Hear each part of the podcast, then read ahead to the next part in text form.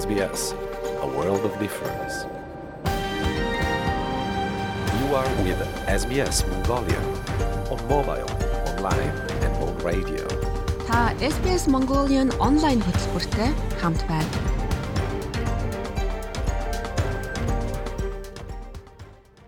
Сайн байцгаана уу? Австралид зугаа монголчуудаа. SBS радиогийн монгол хэл дээрх хөтөлбөрийн шин дугаар эхлэхэд бэлэн боллоо. Манай өнөөдрийн дугаараар та бүхэн Австральд амьдардаг монголчуудын төвийг хуваалцаж, Австральд оршин суугатж, мөн англи хэлний хичээлийг хүлээн авч сонсоорой. Мэдээж дундуур нь Монголын хамтлаг дуучдын уран бүтээлийг бид аль биесны эрхтэйгээр танд хүргэх болно.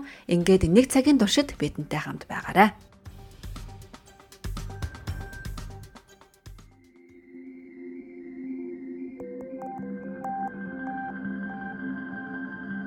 Бидний нэвтрүүлгээ түгээж буй энэхүү газар нутгийн уугуул эздэд талархал илэрхийлж байна. SBS Mongolian colon үндэсний Wurundjeri Woi Wurrung хүмүүс тэдний өнгөрсөн ба одоо үеийн эхэстэйцүүдэд хүндэтгэл үзүүлж байна. Мөн та бүхний сонсон сууж буй газар нутгийн Абориген болон Торресын хоолойн арлын бүхэл уугуул эздэд бид талархан хүндэтгэл үзүүлье.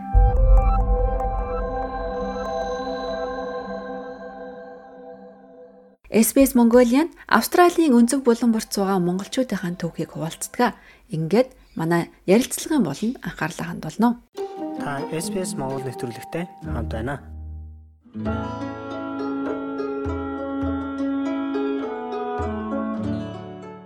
Торгууд Монголын сүүлчийн хан ноён Боён мөнхийн манцаг жавын охин Сувсаа Австрали улсад инх тунх амьдарч байна. Тэрээр өөрийн нөхөр амгалан тэнгэрт дэвшсэний дараа том охинтойгоо амьдрахаар Австрал дээрээд 12 жил болжээ.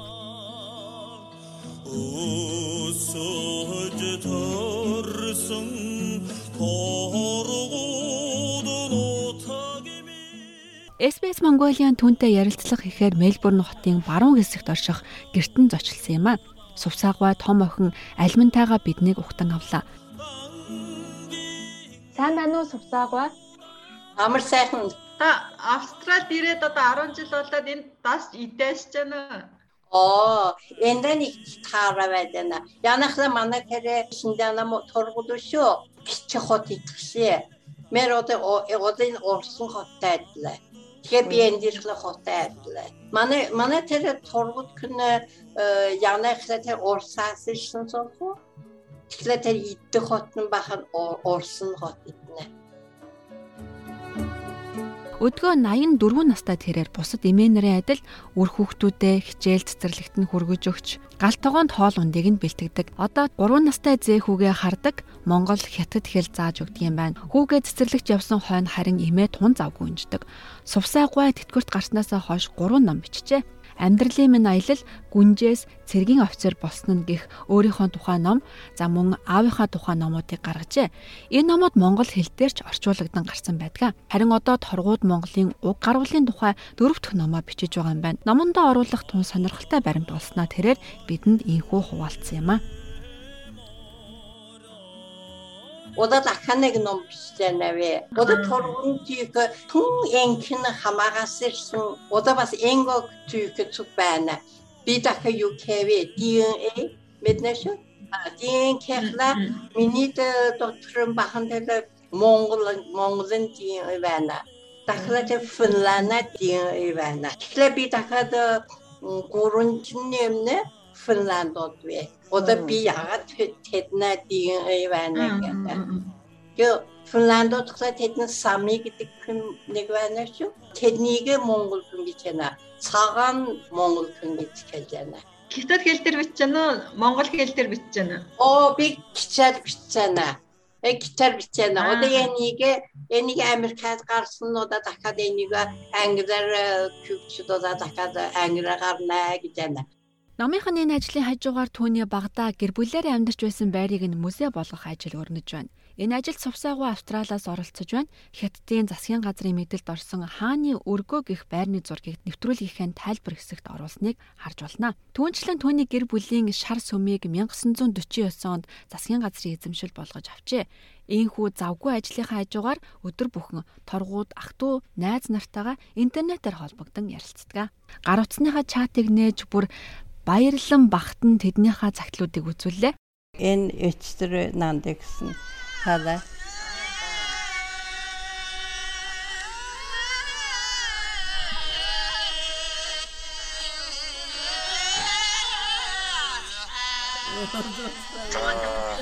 Лазас хол газаад далайн тэтэл Австраlia хатан сайхан цагаалж яцгаантаа. Сенер цагаан сайхан цагаалж яцгаантаа гэж.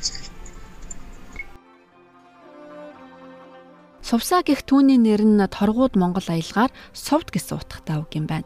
Харин хятадын Шинжэн мужид төрж өссөний хувьд тэрээр Манлин гэдэг хятад нэртэй. Гүнжи 3 сартай байхад түүний эцэг Манцаг жав хааныг барьж хар гэрт хоржээ. Ингээд 7 настай байхад нь аав нь хар гэрээ суллагдсан ч торгууд төмний хан цэргийн их жанжин аав нь өмнөхөөсөө огт өөр хүн болсон байлаа.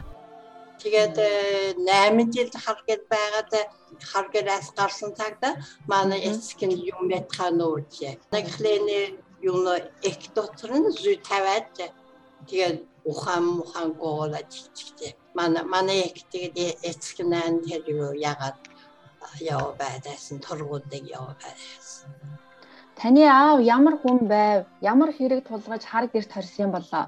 Эсколхла цэрэг, мэр цэрэгэн бэлээ 17 настайгаас нь цэрэг تر مونغول مونغول تر دیگه دخولات دن یادسم دکات دکات من یشکوخلا بخان سرگالوریا گیده or orsin nege ulan sergin nege surgal verdik tige. Günden nottuk ola da tige dere bol nege yoktuk ola tige. Tüm ter yokunan ömkü turu aslında tige de berede hareket olur. Манцагжав хан хүү охин хоёртой байсны охин нь сувсаагүй. Харин ганц хүү гүмбэдчд нь хан аавыгаа нас барахад нь орыг нь уламжлах ёстой байсан ч хятадын хувьсгал тухайн цаг үеийн байдал бас хүү өөрийнх нь хүсэлж хан ширээг өвлөж авах боломжгүй болжээ. Лам багшийн хатуу гард ор ном заалгасан ч эрдэм сурхаас илүү зодуур сүрдүүлгийн дунд хүүхэд насаа өнгөрүүлж ном бичгээс хол хүн болжээ. Ингээд жирийн иргэний амьдралаар амьдарч насыг баржээ. манах юна доланастадан хрудна хамболва дахиад тэр юуч мэж яхан биш тэгээ манай яке ахиге манай ахыгээ тэгээд заагаад игээ явжсэн а 17 настадан думо суртты тийм их сургаал байна түйінде сурсун тиге тигээ явсын манах 20 настадан өнгөрсөн oda manachwa söngürtü dua manechkwa söngürwa manechkwa söngürtü dua oda bir ганцаарн байсан. Торгууд монголчуудыг Чингис хааны зарилгаар байгуулсан гэдэг Тухайн үеийн их Монгол улсын 95 мянгатаас Библиэлдэр оюун ухаанаар нь шилэн нэг нэг дайчдыг цуглуулж торгууд хэмээх төмнийг байгуулсан гэх түүхийг бидэнд торгуудын түүх өв соёлын холбооны тэргүүн Монголын археологийн холбооны захирал доктор профессор Лав Сурмга ярьсан юм а. SBS Mongolian түүнтэй утсаар холбогдож сувсаа гүнж торгууд төмний тухай цөөн хором ярилцлаа. Дэлхийн түүхэнд бол нүүдэлтийн хамгийн сэтгүүлчийн хамгийн том нүүдлийг энэ торгуудад тэргүүлсэн ойртын их нүүдэл гэж 1771 оны 1 сарын 5-ны өдөр ижил мөрнөөс төрлөх Монгол орн руугаа нүүс юм аа. Энэ нүүдэл бол дэлхийн түүхэнд нийт 8000 км нүүсэн хамгийн хол нүүсэн нүүдэл гэж замдаа бол одоо Орос, Хасаг, Киргиз, Урдууд гэж ярьдаг эднэрүүдийн цэргүүдтэй тулдаж байлцсаар байгаад ингээд нүүсэн нүүдлийнхаа дөрөвний нэг нь л орж ирсэн байгаа юм. А замдаа энэ ард түм олноор тэр хүмүүсүүд ядагдаж их том зовлон бэрхшээлийг туулж ирсэн. Ийм учиртай. Энэ нүүдлийг одоо өдөртсөн хүн бол торгуудын хаан, Овш хаан гэж хүн байгаа. Энэ Овш хаанаас хойш 13 дугаар үеийн одоо удмынхан гүнж бол сусаа гүнж юм байна Сувсаа гүнчийн өөрөө нэг ёсондоо манай торгуудуудын одоо хатан хаан гэсэн үг. Энэ хүн одоо дэлхийд тархсан торгууд монголчуудын гол хямар сүлт дахин шүтэх шүтэн маань болчиход байгаамаа. Манай хөтөлбөртэй хамт байгаа танд баярлалаа. Ингээд хэсэг хугацааны завсралгын дараа эргээд уулзцаая. SBS Mongolian онлайн хөтөлбөрт тавтай морил. Бидэнтэй холбоотой байгаарай. Танд хэрэгтэй Австралийн мэдээ ярилцлагууд энд байна. sbs.com.au/mongolian-аар орж манай подкастуудыг онлайнаар хаанч явсан сонсож болно. Та хаанч байсан гэртээ байгаа мэт тухлаарай.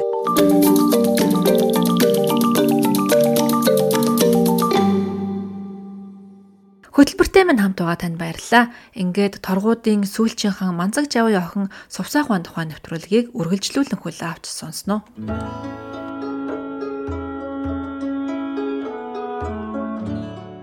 2015 онд дэлхийн торгуудын жангар наадмыг Монгол улсад Ховд аймгийн Булган суманд зохион байгуулж Сувсаа гуайг урьж ирүүлжээ.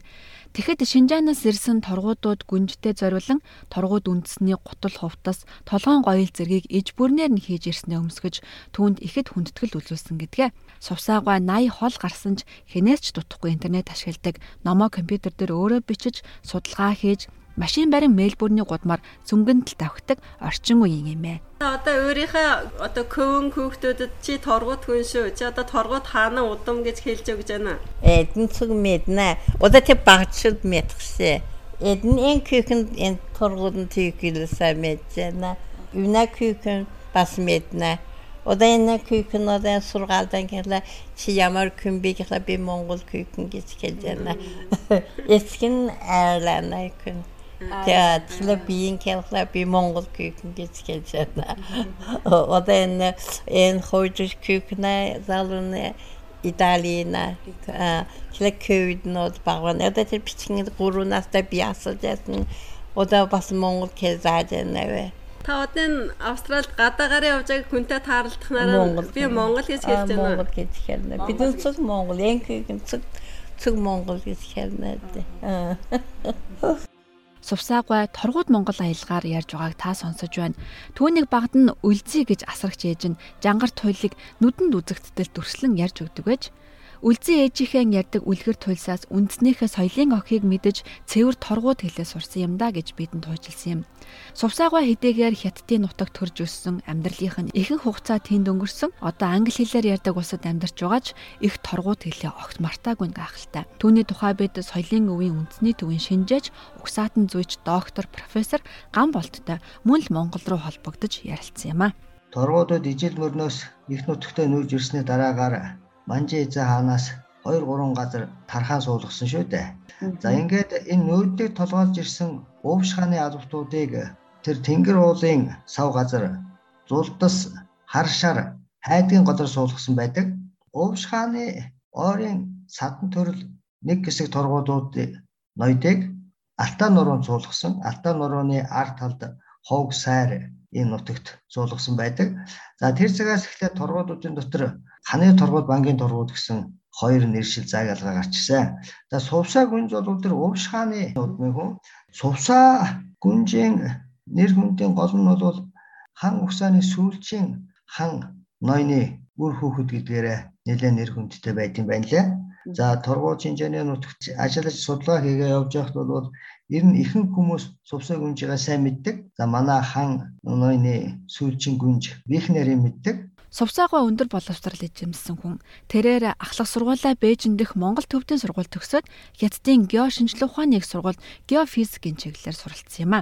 Сургуулаа төгсөөд Шинжээн рүү ажил хийхээр буцаж Шинжааны их сургуулийн технологи их сургууль, за одоогийн Шинжээний их сургуульд багшилж байжээ. Түүний хийсэн судалгааны төсөөл 1970 онд үндэсний хэмжээний шагнал хүртэж үлгэр жишээч багшаар шалгарч байжээ. Түүний нөхөр амгалан Шинжааны цэргийн тойргийн ерөнхий эмнэлгийн эмч байлаа. Цэргийн жанжин аавын охин сувсаа дайн тулаантай кино үзэх дуртай. Ер нь цэргийн үйл хэрэгт оролцох чин хүсэлтэй. Энэ мөрөөдөл нь өдий том болсон ч түүний дотор нухацаар л байж нөхртөөгөө гэрлэж хормын хувцсныхаа дараахан цэргийн дүрм товц өмсөх болжээ. Манай ээж Баатар болжээ хэмээн хүүхдүүд нь цогчин баярлаж цог золбоо дүүрэн батлаар өөрийгөө талент хар зогсож байлаа гэж ярилцлагын үеэр сувсаагаа ярьсан юм. Сувсаагаа 40 настайдаа Бээжин хотод Хятадын агаарын цэргийн хүчний академид элсэн орж профессороор олон жил ажилласан. Түүнийг сургуультай очиход анхны эмэгтэй багш нь байсан учраас тэнд эмэгтэй хүн зориулсан зүйл байгаагүй. Бүр бие засах газарч байхгүй байсан гэдгээ. 19 дугаар жилаасаа татин шопинг болосон. 19-аас одоо ол цэргэн хүн бас тоос сурнаг на физик сурнаг на Тэгэхээр би тэр цагт би тэр Шинжаан на их сургаал дотор физик заажсэн.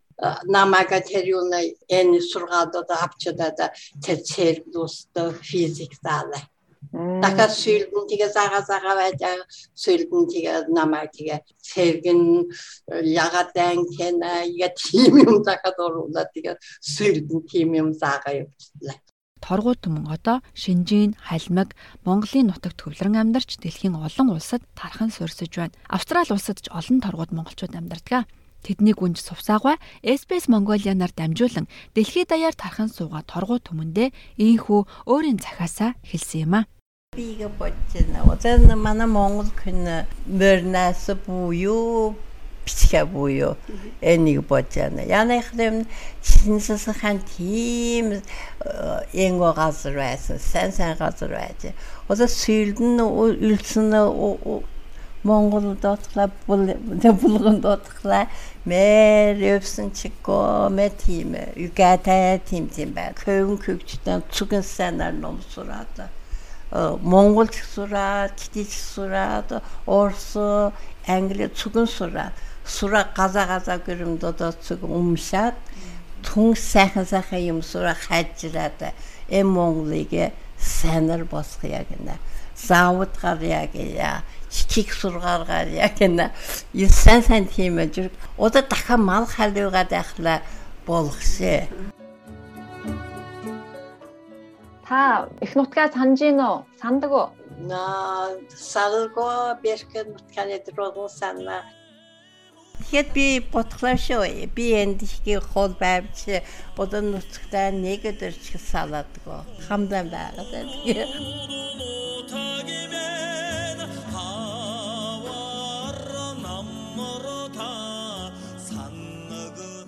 Ийхүү бид сувсаа гуйтай цаг гарны бичлэг хийж хагас өдөр гэрт нь ярьж хөөрч өнжлөө.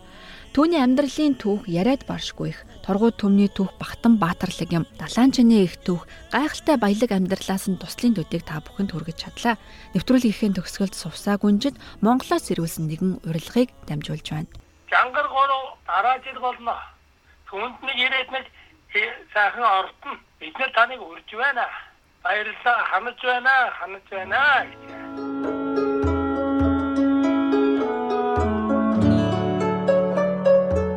Энхүү торгуудын сүүлчийн хан ноён Манцаг жавын охин Сувсаагаа Австралийн Мельбурн хотноо инх түнх амьдарч байна. Түүний тухай нэвтрүүлэгт бид хөсөгтөн хамтлагийн торгууд нутаг хэмээх дууг ашигласан юм а. Хамтлагийн гишүүд энэхүү уран бүтээлийг манай нэвтрүүлэгт ашиглах зөвшөөрөл өгсөн юм а.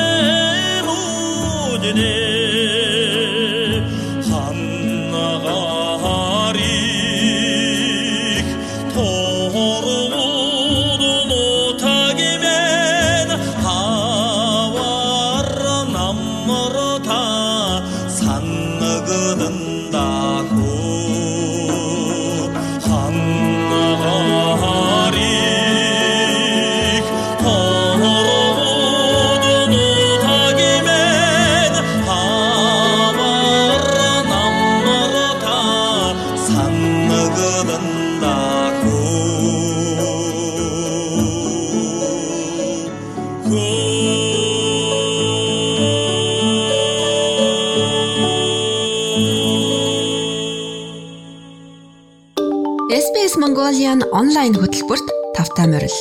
Бидэнтэй холбоотой байгаарай. Танд хэрэгтэй Австралийн мэдээ ярилцлагууд энд байна. sbs.com.au/mongolian-аар орж манай подкастуудыг онлайнаар хаанч явсан сонсож болно. Та хаанч байсан гэртээ байгаа мэт тухлаарай.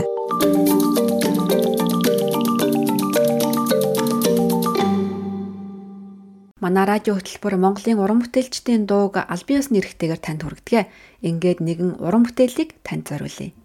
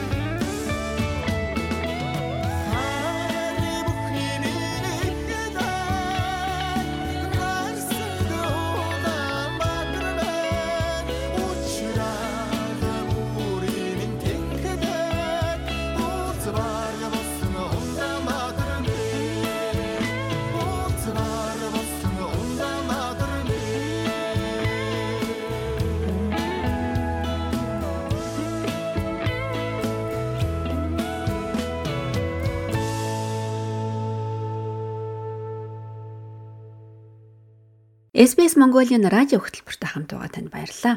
Одоо Австралид оршин суух хөтөч нэвтрүүлгийг хүлээн авч сонсцгоё. Бидний хүссэн газраа сонсоорой.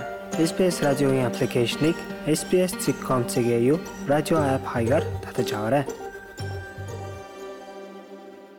Өөрийн бизнесээ эхлүүлж шинэ ажил эхлэх нь сэтгэл хөдлөм сайхамж тийм ч амар ажил биш ээ. Ялангуяа Австралид Гэхдээ зорьсон хүнд хүрэхгүй оргил гэж байхгүй.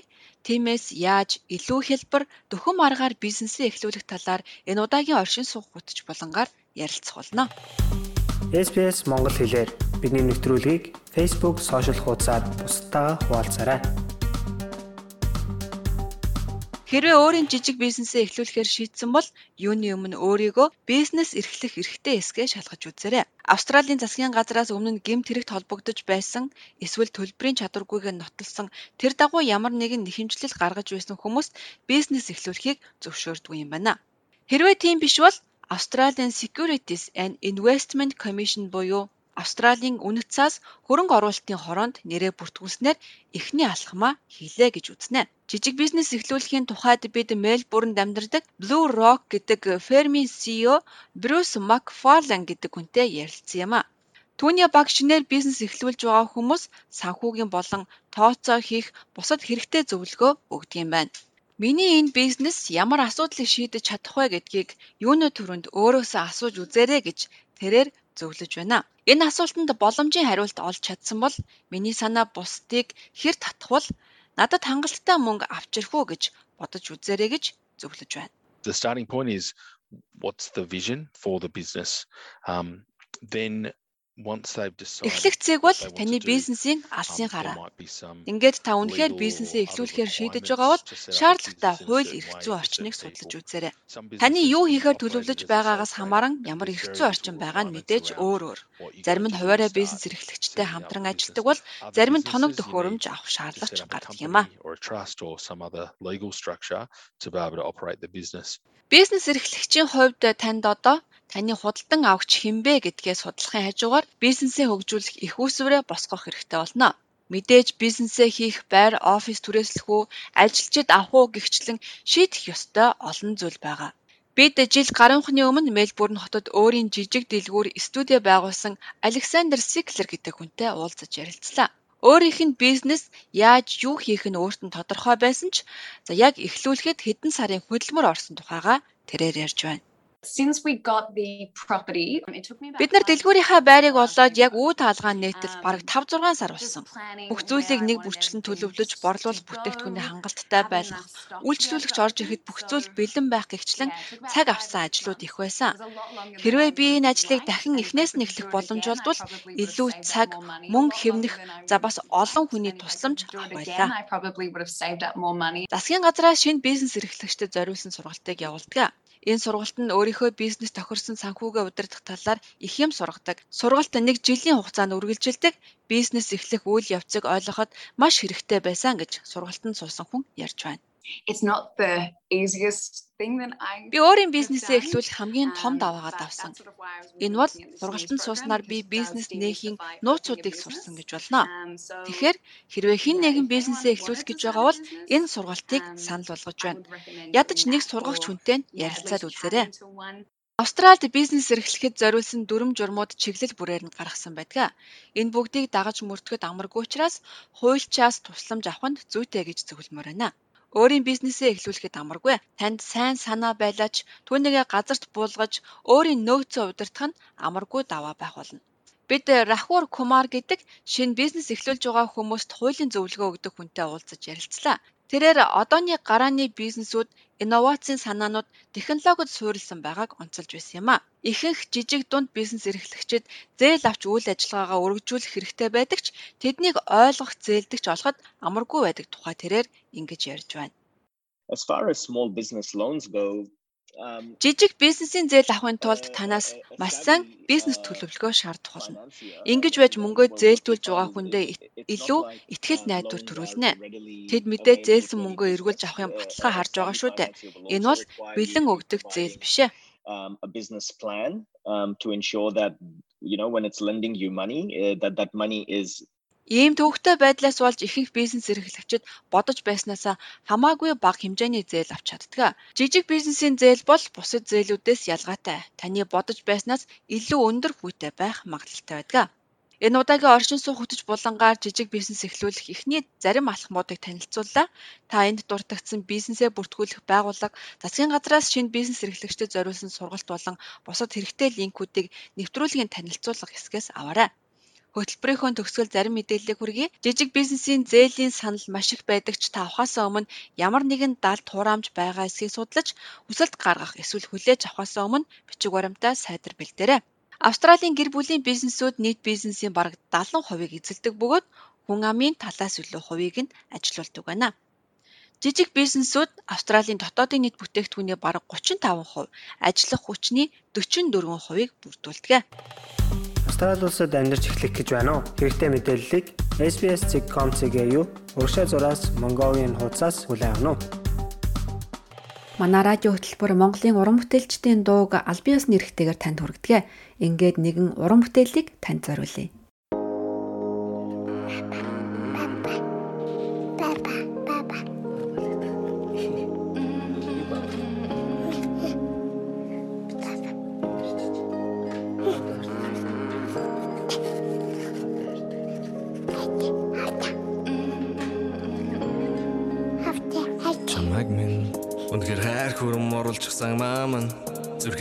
Зүрхээ тайлч үгэмд оруулчихсан аав нь харахасаа ч юм тэрхээсээ ч юм бүхнээ чам дүгнгээд амлчихсан. Аав нь чамаг төрөн час ихэд нүднүүдээс мөр хүрхрээ.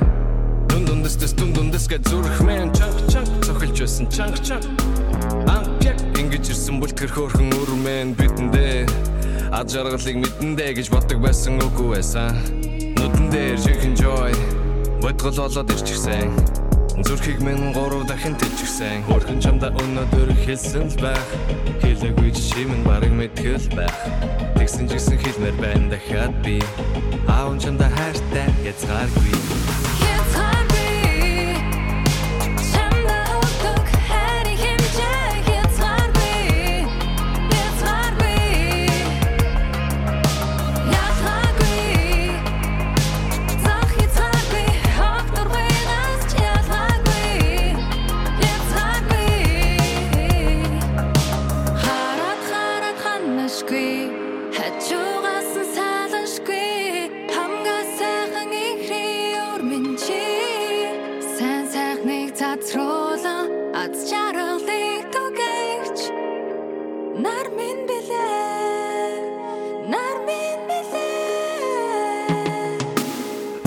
Тэврэгтүүдид сэтгэлэн дийж цэжний хүндийд цэцэг гурган зам болтоог чиний инээд намайг нилээд ихэр чилээж байсан асуудлыг минь жижиг болгон цомголтоо ярэ царэн арэл дэндүү игдүүтэй аавжинхэ төгс бүтээл. Төгс бүтээл чиний төлөө. Юу ч ихээс буцахгүй ганц чором мэргэлзэхгүй Им мас ухаанч эрхлүүлсээр байхын тулд муухай бүхнийг хэрэглэхгүй. Олон жил дэргэжсэн байна. Хөрхэн чамда өнөөдөр хэлсэн л байх. Хэлээгүй чимэн бараг мэдгэл байх. Тэгсэн жисэн хэлмээр байна дахиад би. Аав чамда хайртай язгааргүй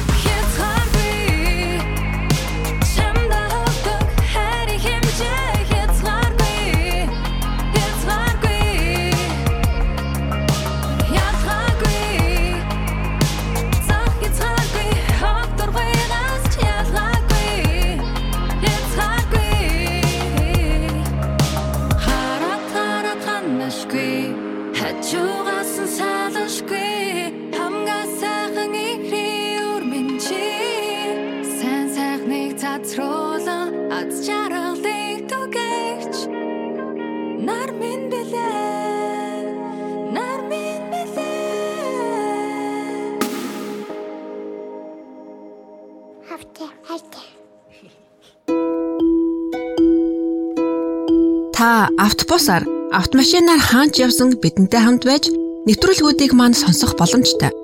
Та хүссэн газараа хүссэн цагтаа биднийг сонсохын тулд манай радиогийн шууд хөтөлбөрийг сонсож, подкастуудад манд subscribe даран хадгалж авах боломжтой. SBS радио аппликейшнийг та App Store болон Google Play-с татаж авах боломжтой.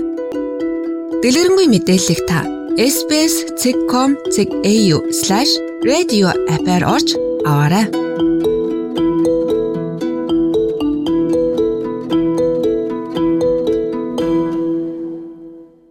Хөтөлбөртөө эргэн тавтай морил харин одоо бүгдээрээ SBS Learning English болонгаа хүлээ авч сонсцгоё.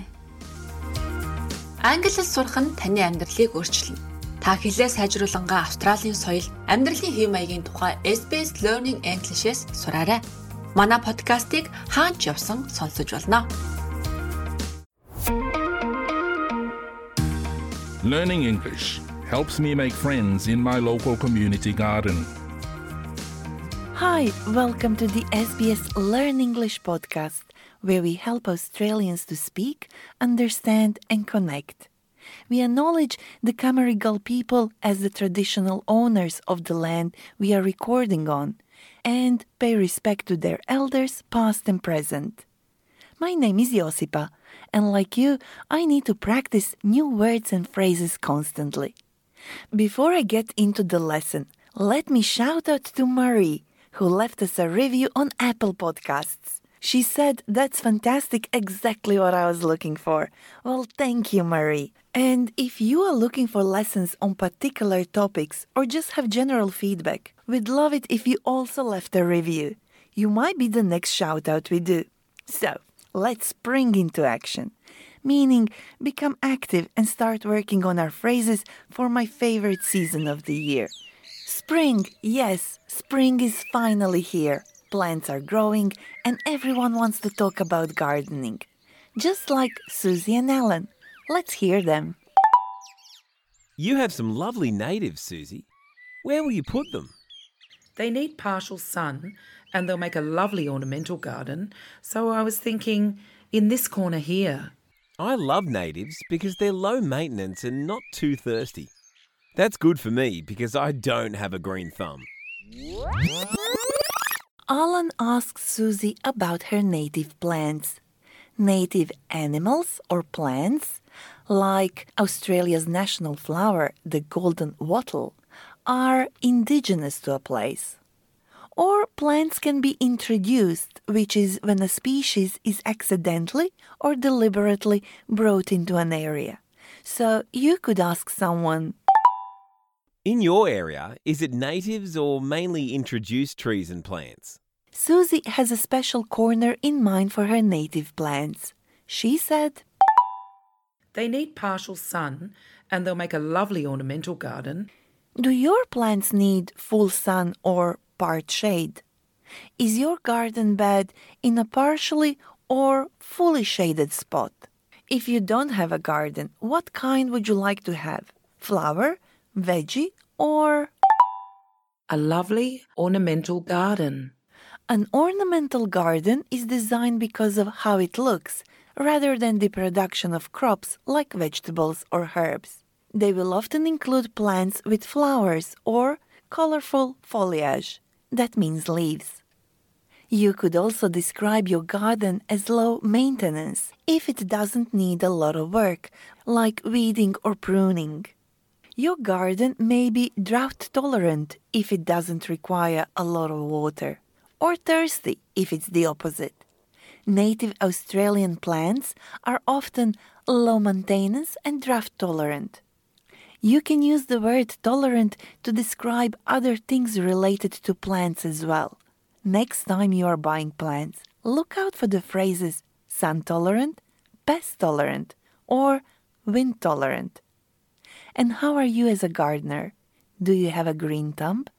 What does it mean to have a green thumb?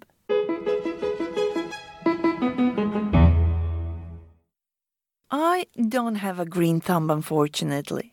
To have a green thumb means to have unusual ability to make plants grow well. I hope Susie has a green thumb. She gave Alan a big list and sent him shopping for some garden tools. Let's check on him. Ah, there it is. Susie's list. What does it say? A trowel, secateurs, an angled shovel. I wonder if I can get her an angled shovel at a good price. What else? Pruners, watering can, and shears. Wait a second, she added a hose here at the bottom of the page as well. Alan is buying some gardening tools. First, he mentioned A trowel, secateurs, a shovel. A trowel is a small, handheld tool with a curved scoop for lifting plants or earth. Secateurs are a pair of pruning clippers for use with one hand. Alan had a specific shovel in mind. I wonder if I can get her an angled shovel at a good price. An angled shovel is a shovel with a blade that makes it good for digging. Then we heard Alan mention Pruners, a watering can, and shears. Wait a second, she added a hose here at the bottom of the page as well. pruners, watering can, shears, a hose, and let's add lawnmower and fork. These are the names of some of the gardening tools. If you are unsure which is which, or don't know the meaning of some of these words, you can learn them by doing our quiz, which you can find on our website. You can also find additional learning notes there. Now Alan is talking with Susie, who, for the purpose of this dialogue, is a horticulturalist, an expert in gardens. I'm looking for some easy to care perennials. Do you prefer seeds or seedlings? I'm not too sure. What would you suggest? Well, seedlings are quicker and easier. If you want to sow seeds, this will save you money, but it will take longer. Okay, let's not beat around the bush. We have a lot to explain. By the way, to beat around the bush means to discuss a matter without getting to the point. So if I say to someone, please don't beat around the bush, I'm asking them to get to the point and stop talking about many unimportant things. So, Alan is buying some flowers. He said, I'm looking for some easy to care perennials. A perennial plant, or simply perennial, is a plant that can keep growing over many seasons. This is different to annual plants that only last for one season. Susie then asked, Do you prefer seeds or seedlings? Seedlings are young plants developing from seeds. Basically, seedlings are seeds that have already sprouted. They will save you some time, which comes at a price. Just like Susie said. Well, seedlings are quicker and easier. If you want to sow seeds, this will save you money, but it will take longer. Sowing is another way to say planting, but only if you're talking about seeds. You can sow seeds, but you can't sow plants. You have to plant plants. Confusing, right?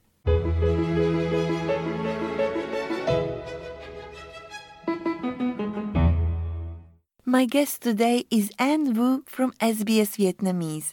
Hi, Anne. Thanks for joining the show. It's great to be here. You've been telling me how gardening and the Vietnamese community go hand in hand with each other. Yes, gardening and the Vietnamese community are closely linked together. For Vietnamese people, gardening is a way to reconnect with positive memories of homeland as well. So many culinary and medicinal Asian herbs you can plant in your very old backyard, like coriander, basil, mint, lemongrass, ginger. Coriander, basil, mint, those are all herbs from my mom's backyard. But you know, since I moved to Sydney, my garden has been made of two pots on my windowsill. You suggested I search for a community garden near my home? Yes, of course. There are over 600 community gardens and city farms in Australia where people come together to grow fresh food, learn, relax, and make new friends. Thanks for sharing, Anne. Now all I need to do is find a community garden near me. That's easy. You just visit the communitygarden.org.au website and you can join Australia's thriving garden community in a second. In the meantime, let's repeat useful phrases from this episode. See if you can answer the question before hearing the answer. What does it mean to spring into action?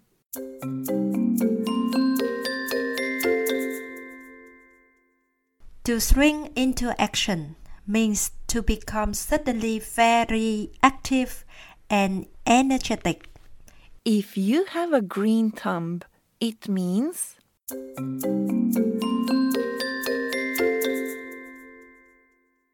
It means you are particularly good at growing plants. we heard different questions we can ask about gardens. Do you have natives or mainly introduced plants in your garden? Do your plants need full sun? or part shade? Is your garden bed in a partially or fully shaded spot? Is your garden flower, veggie, or ornamental? Do you prefer seedlings or seeds? We also heard some different phrases we can use when talking about gardening. My natives will make a lovely ornamental garden. I need to buy a trowel, secateurs, and one angled shovel.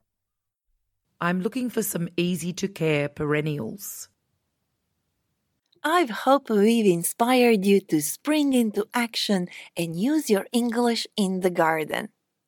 Before that, you might want to head to the sbs.com.au slash learn English website because there you can find additional learning notes and transcripts. There you can also find a new series all about Australian wildlife. And this might be especially interesting to our listeners who have backyards.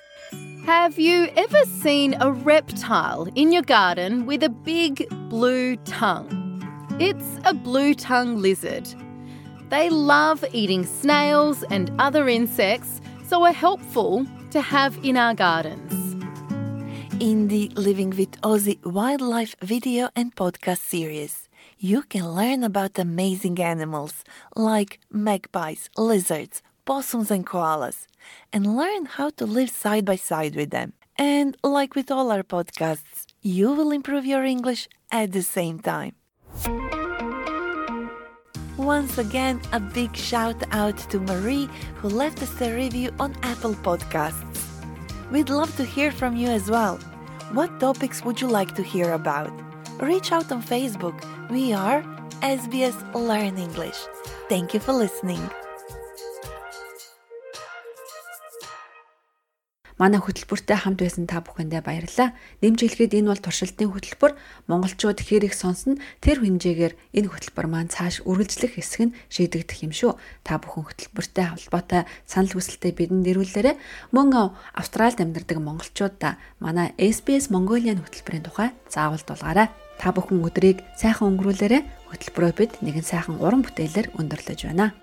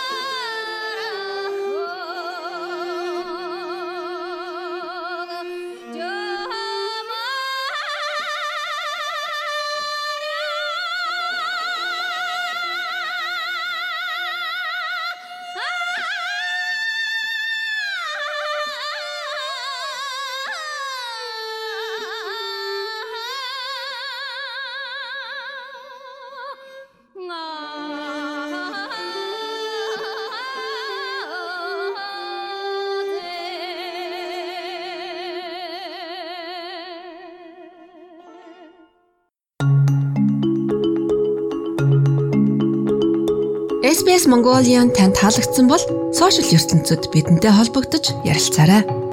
Та биднийг Facebook-ээс SBS Mongolian гэж хайгаад олох боломжтой.